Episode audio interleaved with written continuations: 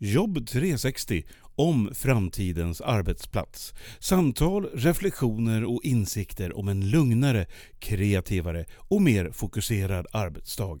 Inbjudna gäster tillsammans med Pia Andreasson och hennes kollegor från Direxio.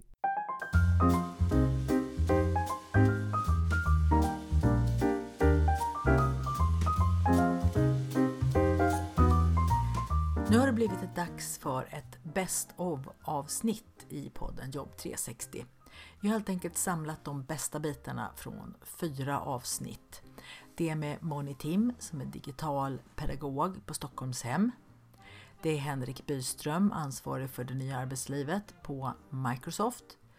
Vi har också Henrik Gustafsson och Oskar Berg som har skrivit boken Den digitala arbetsplatsen och sist men inte minst Mille Bäckman från Telia. Och de pratar om sina insikter när det gäller det nya digitala arbetssättet och vad man behöver tänka på i företag och organisationer för att få ut det bästa av den här nya tekniken.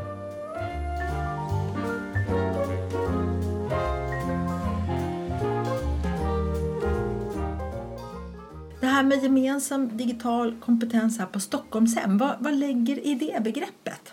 Ja, alltså det handlar ju någonstans om att vi måste använda de verktygen vi har. Till exempel Outlook. Att vi lyfter de kunskaperna så att folk kan jobba i Outlook fullt ut. Att man inte bara mejlar. Eller man, alltså det finns så mycket mer man kan göra. Och det underlättar ju deras vardag. Det är de små bitarna. Vi ger dem tips och tricks. Eller de får gå utbildningar eller vad det nu är. Jag träffar alla nyanställda de måste träffa mig för vi har vi som obligatoriskt att man ska få en IT-grundutbildning när man börjar här helt enkelt.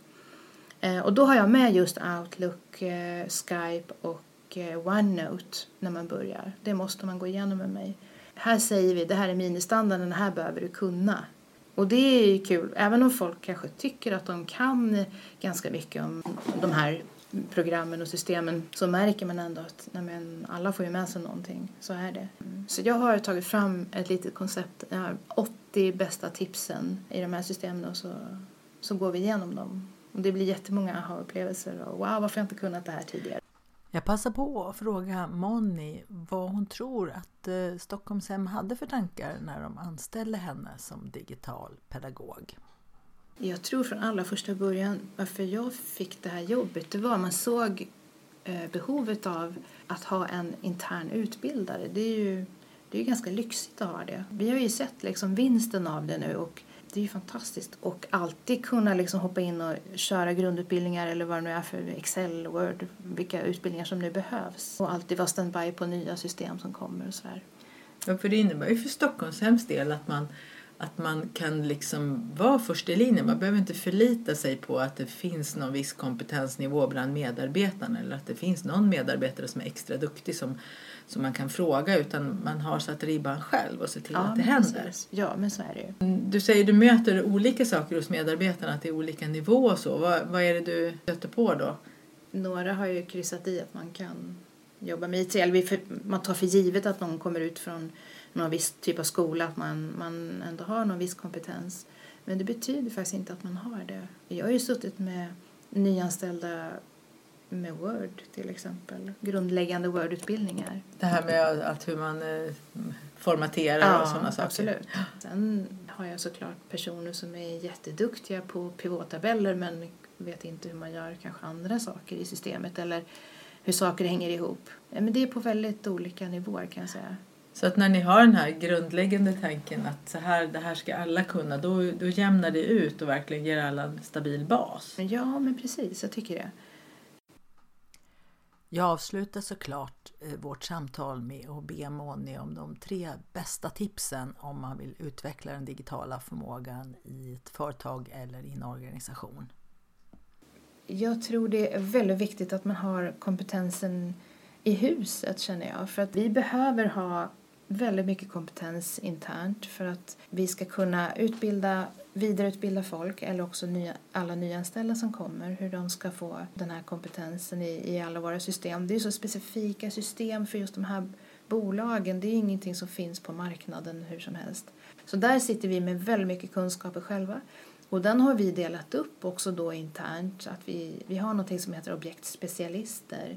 Eh, det betyder att man är specialist på sin enhet eller avdelning. Om man jobbar på uthyrning till exempel. Hur, hur, hur gör de just där? Hur, så då har vi utbildare eller objektspecialister på plats hela tiden. Så tänker vi. Så vi tar inte ofta in externa till exempel utan vi vill hellre ha kunskapen in in-house. Ja, då i och med att ni har de här personerna, att de är, ja. då vet ni vem det är. Som någon sån person slutar, då vet man att då måste vi tillsätta någon ny ja, men precis. som Så. har det här ansvaret. Ja. Och det är personer som vi vet är, är också pedagogiska och kommer klara av att utbilda vidare och så vidare. Men också är med och utvecklar systemen eller testar kan det också vara. Så vi, vi bygger på väldigt mycket egen kompetens i huset. Det har liksom varit vår grej, tänker jag. Mm. Så första delen är att ha kompetens i huset och ja. se till att bevara den också Precis. när någon slutar och så. Mm. Mm. Du sa det här när man utbildar människor att man tar det på deras nivå, det här personliga. Det kanske är någonting som vi behöver skicka ja, med. Ja, precis. Jag kan ju jämföra med de andra bolagen som jag sitter med nu precis. Vad de fastnar i det är just den pedagogiska biten känner jag. Kunskaperna kanske finns men att få ut dem eller få ner dem på, på pränt eller på, på någon slags lathund det, det är inte självklart hur man, hur man gör det. Utan man behöver ha pedagogisk kunskap för att det här ska bli lyckat, tänker jag. Sen då det sista, sista biten där med led, alltså när ledningen, du sa att du har en bra chef som verkligen mm. promotar det här. Ja. Det är kanske den tredje biten där som man behöver tänka att ledningen måste ju vara committad i att det här ska göras. Ja, men precis. Min chef brukar säga också att jag har fått skapa min egen roll. Vi har hittat något koncept själva här som, är, som vi tycker håller och det är just att hitta individerna men också ha den här omvärldsbevakningen. Vad händer och hur kan vi, hur kan vi lyfta Stockholmshem med, med det vi får reda på i omvärlden. Och vi ser på väldigt kort sikt men ser också på väldigt långt fram hur vi skulle kunna jobba med digital kompetens. Det tycker jag är häftigt också att man har lyft blicken här på Stockholmshem och jobbar med just digitalisering. Ledning, ledningen också är helt med på noterna liksom på det. Som du förstår tyckte jag det var jätteintressant att prata med Monni och jag älskar ju tanken att man på Stockholmshem har insett att det här med gemensam förmåga i de digitala arbetssätten är någonting som verkligen lyfter. Och att kunskap i de här grundläggande programmen i Office-paketen verkligen ger lön för mödan om man lär sig dem att jobba bättre i dem. Nästa person jag vill presentera här är Henrik Byström från Microsoft och han börjar med att prata om den heliga treenigheten när man tänker på arbetsplatsen. För mig så är det så att IT-miljön är ju en del av en treenighet. Eh, och det här är liksom en, en, lite av en magisk formel som man inte får ge, göra våld på. Och det ena är ju tekniken. Det andra är platsen, den fysiska platsen och det tredje är människan brukar vi säga. Och Eh, om man tittar på platsen så handlar det mycket om, eh, det kan vara allt från aktivitetsbaserade kontor, det kan vara alla de människor som inte jobbar på kontor, i butiker, fabriker, äldreomsorg eller vad det kan vara som, som jobbar med en arbetsplats som är helt annorlunda oss som jobbar på kontor. Men det handlar också om att faktiskt inte platsen måste vara ett kontor utan att den kan vara hemma eller på ett café eller hos en kund eller hos en partner eller bibliotek eller på resa eller vad det kan vara. Så hur agerar platsen som ett verktyg för oss i vår moderna arbetsplats? Den andra delen är ju tekniken. Den är superviktig för att vi ska kunna jobba oavsett plats. Så att arbete inte blir en plats man går till utan någonting man gör. Så behöver vi ha teknik som funkar för att kunna ha möten på distans, för att kunna komma åt information, för att kunna bära med oss våra digitala verktyg och all den miljö som vi har. Så vår arbetsplats blir både en fysisk och en virtuell digital plats. Men då måste det, det påverkar ju också naturligtvis våra arbetssätt, vår kultur, vårt ledarskap, hur vi samverkar tillsammans med varandra som människor. Och därför menar jag på att det blir den här treenigheten som, som liksom alla är lika viktiga de här delarna, teknik, plats och människa och vi får inte liksom glömma bort den ena eller andra delen. Liksom. Så att IT-miljön är superviktig i en framtida arbetsplats, eller den nuvarande arbetsplatsen också supercentral. Någonting som jag pratar mycket om eh, på mina kurser är ju det här med kunskaps och informationsöverföring. För där har ju vi var och en av oss en liten favoritmetod då som man använder sig av. Jag är ju en människa som väldigt gärna pratar mycket. Eh, och då behöver man ju reflektera över på vilket sätt ska jag överföra den här kunskapen eller på vilket sätt ska vi träffas nu och berätta saker för varandra eller så. Är det då via ord och i så fall går det att göra både när man träffas eh, öga mot öga som vi gör här idag och eh, virtuellt också då öga mot öga eller bara via ett telefonsamtal. Eller ska jag göra det skriftligt? Och den nya tekniken stödjer alla de här tre sätten. Att man kan ju överföra en information muntligt och skriftligt och samtidigt lagra den så att den är tillgänglig framåt. Mm. Och det, ja men absolut är det så. Och vi vet ju till exempel att vi jobbar mer än dubbelt så mycket i team nu som vi gjorde för fem år sedan. Uh, vi har gjort studier på det där. Och det som är intressant då när, vi, när du precis beskriver det här att du är en person som som gärna pratar så kan det ju vara så att du har i ditt team personer som gärna läser eller lyssnar eller så. Och hur får vi deras kunskap till oss? Och där kommer vi tillbaka till igen då att vi har teknik för att möjliggöra att vi kan prata och vi kan skriva och vi kan läsa och allting. Men hur gör vi i teamet och hur ser vi till att alla hänger med, att alla får göra sin röst hörd, Eh, att vi får allas åsikter och input på det sätt som passar respektive arbetssätt som man föredrar då.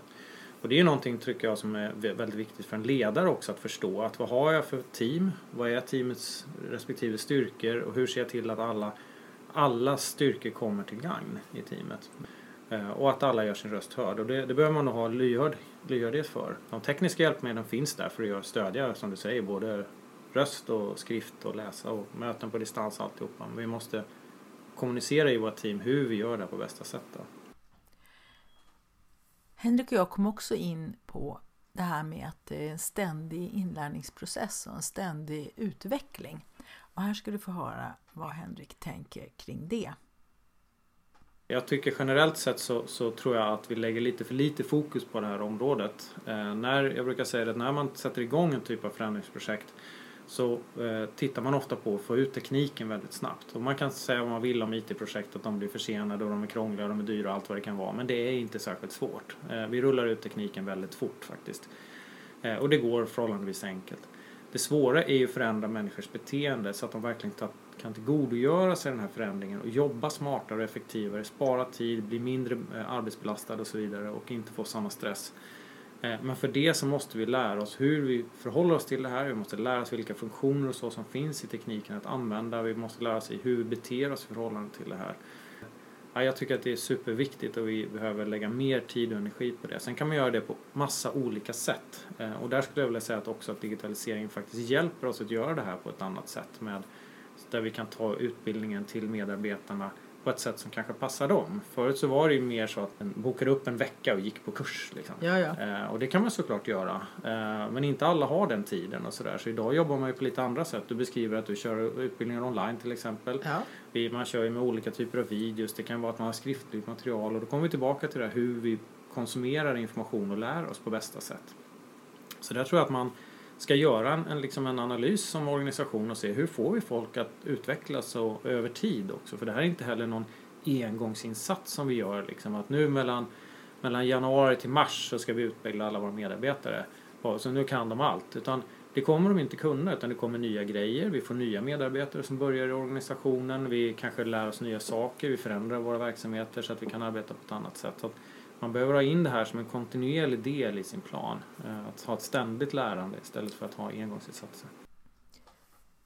Henrik berättar också om det här ständiga lärandet, att det är ett viktigt aspekt ur ett ledarskapsperspektiv. Att man hela tiden uppmuntrar det. Det är ingenting som medarbetarna gör av sig självt utan som chef och ledare måste man se till att ens medarbetare ständigt utvecklar sitt kunnande ur ett ledarperspektiv faktiskt ett ansvar att fostra det här eh, ständiga lärandet och nyfikenheten. En ständig nyfikenhet på nya saker och sådär. Att man faktiskt vågar prova. Liksom. Det, är, det är liksom inte kärnvapen här. Utan prova liksom. Och dessutom åt andra hållet då. Att om man hittar någonting som man tycker är spännande så kan man ju dela med sig till sin kollega. Har du sett det här spännande? Så att man fostrar båda. Och det tycker jag att man faktiskt i sitt 1 1 som chef med sin medarbetare kan diskutera så här, på vilket sätt har du hjälpt att utveckla andra i, i teamet eller i verksamheten och på vilket sätt har andra hjälpt att utveckla dig? Eh, så att man får in den här medvetenheten och det här kontinuerliga att, att liksom vi, på vår arbetsplats så lär vi oss hela tiden. Och det är spännande att lära sig nya saker. De nästa två personerna som är med i den här Best of avsnittet är ju Oskar Berg och Henrik Gustafsson som har skrivit boken Den digitala arbetsplatsen. Och de har ju verkligen väldigt mycket intressant input kring detta. De börjar med att prata om att den här digitaliseringsprocessen som har pågått en tid nu faktiskt haltar lite. Eh, man har satsat väldigt mycket på att höja servicegraden gentemot kunderna, eh, att få en väldigt flytande och fläckfri upplevelse på den sidan men samtidigt som medarbetarna sitter kvar i, i eh, gamla IT-system och, och, gamla arbetssätt och blir liksom klämda i de här kraven på att bli mer produktiva och, och, och snabbrörliga så där, samtidigt som man sitter fast i det gamla och inte får några eh, vettiga hjälpmedel att faktiskt eh, eh jobba bättre. Sen, att, sen är det ju, man måste aktivt börja jobba med interna liksom, arbetssätt. Eh, eh vilket man inte har gjort. Liksom. Vi sitter fast i e-post och möten och alltså vi kör lite Skype-samtal eller videomöten men det, i grunden så jobbar man på samma sätt som man gjorde 1995 och, och, och det handlar inte om att tekniken inte funnits där. Det handlar om att vi inte utvecklat, förändrat vårt arbetssätt utan jag låter det byggas upp en kommunikationskultur och, och liksom befäst det här sättet att kommunicera och sen, sen har vi väldigt svårt att förändra det. Då. Eh, inte, det handlar inte om teknik hit och teknik dit utan det handlar om hur vi har tagit ett nytt, liksom ett, egentligen paradigmskifte i hur vi kan kommunicera med varandra. Eh, och, och, att egentligen alla organisationer bygger på, det handlar om att samla människor för att samarbeta tillsammans och då eh, problemet har varit hur kommunicerar vi när vi växer eh, och liksom inte kan vara på samma plats. Och så har vi utvecklat lösningar på det här genom åren. Eh, hierarkiska organisationer är en sån lösning till exempel. Eh, för mm. att det var väldigt dyrt att kommunicera med varandra. Och det här alla under samma tak, eh, den, den modern corporation som liksom var 1900-talets liksom, modell. Mm. var också samma sak. Det byggde på att kommunikation var dyrt och svårt och i stor skala och i, med hög bandbredd. Idag har vi hög bandbredd. Vi kan göra, kommunicera i stor skala. Så vi kan egentligen ifrågasätta alla gamla lösningar. Eh, och det tror jag inte, det är min uppfattning, jag har hållit på med det här i många år nu och inte bara pratat om digitala arbetsplatser utan hur vi kan fundamentalt designa om våra organisationer eh, och jobba på ett annat sätt. Men man blir ju inte klar. Alltså det här är inte, det är inte ett projekt vi startar och så mm. klar om ett halvår eller ett år. Utan vi ser det mer som att eh, vi måste samla de här eh, människorna som är intressenter för den här frågan. De måste samlas kring en vision, de måste dela gemensamma mål och sen mm. är det att kavla upp ärmarna och jobba kontinuerligt med det här. Och, och, och vi tror inte vi kan, man kan förändra allt på en enda gång utan vi gör det steg för steg i en takt som verksamheten och medarbetarna mäktar med och hämtar hem resultat hela tiden på de löpande investeringarna vi gör. Jag passade också på att läsa upp mitt favoritcitat ur Oskar och Henriks bok Den digitala arbetsplatsen. Det står på sidan 149. Så här låter det. Även mindre förbättringar av en digital förmåga kan få en stor sammantagen effekt på verksamhetens produktivitet, snabbrörlighet och innovationsförmåga. Jag frågade Oskar och Henrik hur, vad de tänker kring det citatet. Ja, men jag tycker just det här begreppet förmåga som, som finns i meningen där eh, är ganska bra att prata kring. Och, och vad är det för något egentligen? Och det är ju den kombinationen av en digital tjänst eller ett verktyg och sen kopplat till eh, hur bra vi använder det eller hur bra arbetssätt vi har kring det. För det är ju det är när de två eh, hänger ihop som vi får stora effekter. Eh, och det kan ju handla om att vi använder eh, ett befintligt verktyg lite smartare eh, som vi redan har. Eller så inför vi ett nytt verktyg. Men då är det ofta att vi måste tänka igenom, eh, använder vi verkligen det här på bästa sätt så att vi får ut nyttan? Och det är hela tiden det, det är ju ett så här eh, genomgående tema i boken att tekniken i sig löser inte problemen utan det måste hänga ihop med hur medarbetaren jobbar och, och, och, och passa in i de arbetssätten. Mm. Så, så därför gillar jag begreppet förmåga. Att vi jobbar som 1995, säger Oskar och Henrik i det här samtalet. Det kan ju verka som en överdrift, men om vi tänker efter, det var ju då vi började mejla i stor skala när det var ganska nytt. Och vi mejlar fortfarande i stor skala. Och att möten fortfarande innebär att man träffas fysiskt att mycket av informationsöverföringen sker muntligt eller bifogade filer i ett mejl Så är det också idag. Henrik och Oskar är verkligen något på spåret när de säger att tekniken möjliggör för oss att samarbeta och kommunicera på helt nya sätt. Och där är de ju också överens med Henrik Byström från Microsoft att det här är en pågående process, att vi aldrig blir klara utan hela tiden behöver lära oss nytt. Nästa person i det här Best of avsnittet är Mille Bäckman från Telia och han pratar bland annat om att vi missar fördelarna som vi kan få med de nya verktygen i och med att HR och IT inte alltid samarbetar på ett optimalt sätt när det gäller att skapa en bra digital arbetsmiljö. Eh, ta nu, du nämnde själv Office 365 som många organisationer inför. Och det, det är mer än en teknisk plattform, men det handlar mycket om att eh, jobba på ett annat sätt. Eh, det viktiga är här att säga, vilka fördelar kan man dra med, hjälp av de här miljöerna? Idag kan man ju se att eh, trots att vi inför sådana här arbetsverktyg på arbetsplatser så skickas det fortfarande bilagor som aldrig förr. Eh, och tanken med molnbaserade tjänster är just att samarbeta i molnet och att man ska jobba med tjänsterna på ett annat sätt. För att slippa ha massor med lagringsyta och ja. Helt klart det handlar det mycket om att den här konsumentupplevelsen som man har i privata, det är den som man vill applicera in på företagen. Henrik pratar om att det är viktigt att börja med att kolla vilken mognadsgrad organisationen har när det gäller digitala arbetssätt och vad egentligen som är målet med den förändring som man tänker genomföra. Vart befinner vad är mognadsgraden hos, hos organisationer och hos ens anställda och kanske bland kunder också? Och vad är det man vill? Vad är det man vill uppnå för något? Eh, att man har någon form av gemensam målbild som hela organisationen behöver jobba mot. Eh, och det kan ju både vara eh, i det digitala och det fysiska. Jag tror att det är viktigt att, att de här olika delarna för att bygga upp en organisation som fungerar så tror jag det är viktigt att man, man, man håller ihop de här. Eh, om man erbjuder exempelvis möjlighet att jobba platsoberoende då måste också anställningsformer och massor med andra saker hänga med på det. Ledarskapet och kollegorna och Ja, det blir allting. otroligt viktigt. Mm. Annars blir det ju som att man sitter, sitter på ett kontor eller man, man är på stället bara för att vara på en speciell plats. Ja, så blir det så här, har Kalle inte här idag? Han Nej. jobbar hemma inom ja. citationstecken och Precis. så tänker man inte att det kan vara precis samma Nej, och då kan, man ju, då kan man ju ta det ännu längre om man tittar på den filosofiska delen och det är ju vad är arbete? Det här är saker som jag tror fler och fler organisationer behöver fundera kring. Vad är det som attraherar unga till exempel i framtiden? Jag stöter ju på mycket sånt nu att man, just Office 365 har ju blivit det här att man ska, ja, man ska uppdatera sitt Office-paket helt enkelt. Mm. Och så tänker man sig att ja, men vi tar alltihopa då. Och sen kommer frågan, men hur ska vi använda detta? Mm.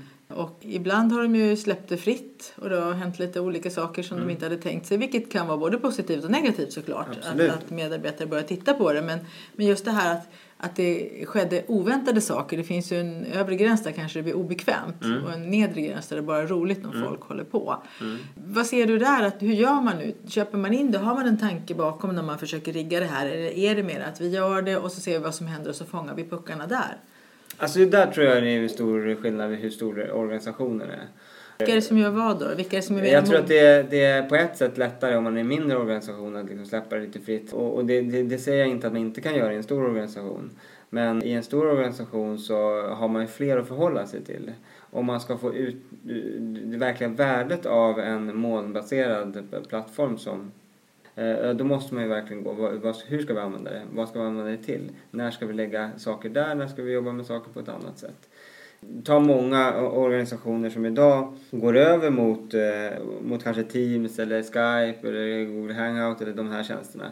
Då är det väldigt viktigt att säga men hur kan vi få bäst, bäst utav dem? Där kan jag på ett sätt känna mig lite, inte oroad, men det finns en, en övertro att bara för man har den senaste tekniken så är man modern. Men tittar man på hur många egentligen som arbetar med, med, med Skype och använder video i Skype så är det ytterst, ytterst få.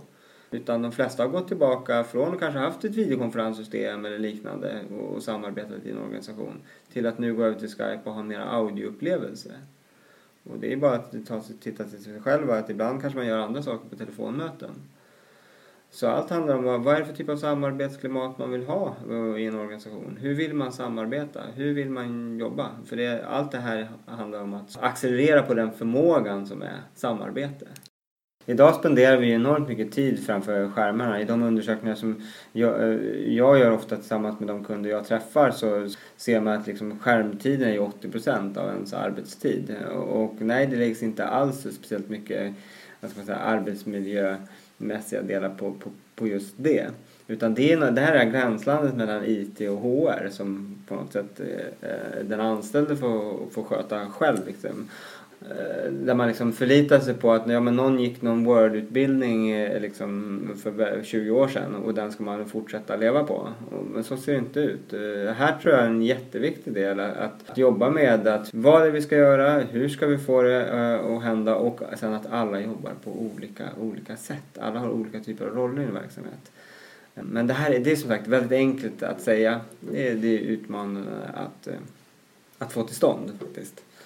Men där är utbildning, eh, genomgångar, syfte, mål. Jag tror också att man behöver titta mer på, om man tar HR-perspektivet då, eh, men hur, hur skapar man en attraktiv arbetsplats både eh, som arbetsgivare men också utifrån de digitala verktygen. Och, och det, historiskt sett har det kanske inte varit en HR-fråga när det gäller digitala verktyg. Och där avslutar vi det här avsnittet med de här kunniga personerna inom digitalt arbetssätt. Jag tycker mycket om Stockholmshems grepp att ha en egen digital pedagog. Jag gillar Henriks insikter om att vi inte blir färdiga. Eh, som Oskar Berg och Henrik Gustafsson ju också håller med om. Och sen det här att HR behöver kliva in mera och samarbeta med IT och skapa en bra digital arbetsmiljö för alla medarbetare. Det är någonting jag verkligen hoppas på att få se mer av i framtiden. Så om du vill lyssna på de här avsnitten i sin helhet så finns de på podden Jobb 360. Och eh, jag hoppas att du vill fortsätta också att lyssna på de kommande avsnitten. Tack för att du lyssnar på Jobb 360. Thank you.